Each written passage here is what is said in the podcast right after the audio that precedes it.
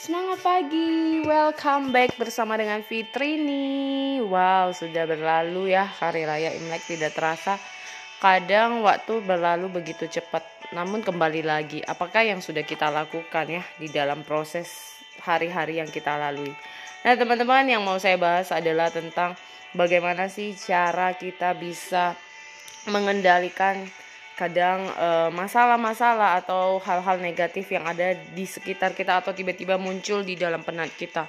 Kadang bisa ya, misalnya salah satunya kadang kita lagi mengurus anak, tiba-tiba kita terbawa suasana akhirnya kita bad mood, uh, kita jadi bete dan sebagainya atau lagi ada pekerjaan yang tertunda dan ada masalah-masalah di dalam bisnis kita dan sebenarnya membuat mood kita nggak tidak stabil dan terbawa dengan keadaan yang lainnya terbawa ke keluarga ke anak dan sebagainya.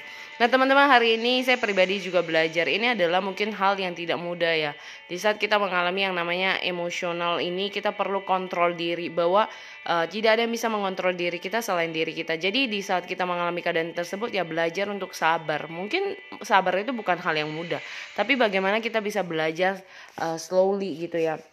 Sabar tidak langsung gegabah dalam mengambil keputusan yang kadang kita tidak kadang kita tidak mikir gitu loh langsung aja ambil. Padahal kadang itu beresiko dan sebagainya. Makanya teman-teman kadang kita perlu untuk mengontrol emosi kita. Karena cara inilah yang membantu kita sih untuk tidak langsung gegabah mengambil keputusan, mengambil jalan pintas dan sebagainya. Jadi buat teman-teman yang hari ini mungkin punya masalah demi masalah di dalam kehidupan kita, uh, ayo untuk countdown, tenangkan diri dan kontrol emosional kita untuk tidak mudah langsung terbawa dengan arus keadaan tapi bisa belajar sabar walaupun tidak mudah.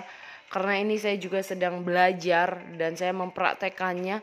Dan di saat saya menjadi seorang coach saya menyadari bahwa bukan hanya ucapkan saja dari mulut saya tapi saya perlu mempraktekannya dan melakukannya. Untuk saya bisa melatih diri saya dan juga bisa membantu banyak orang. Jadi bukan hanya bantu orang tapi bantu diri sendiri dulu So buat teman-teman, mari untuk belajar mengkontrol emosi yang tidak stabil dengan cara adalah kita bisa countdown, kita bisa sabar dan tidak mudah gegabah dalam mengambil keputusan apa pun. Semangat pagi teman-teman, semangat berkarya di mana pun kita berada.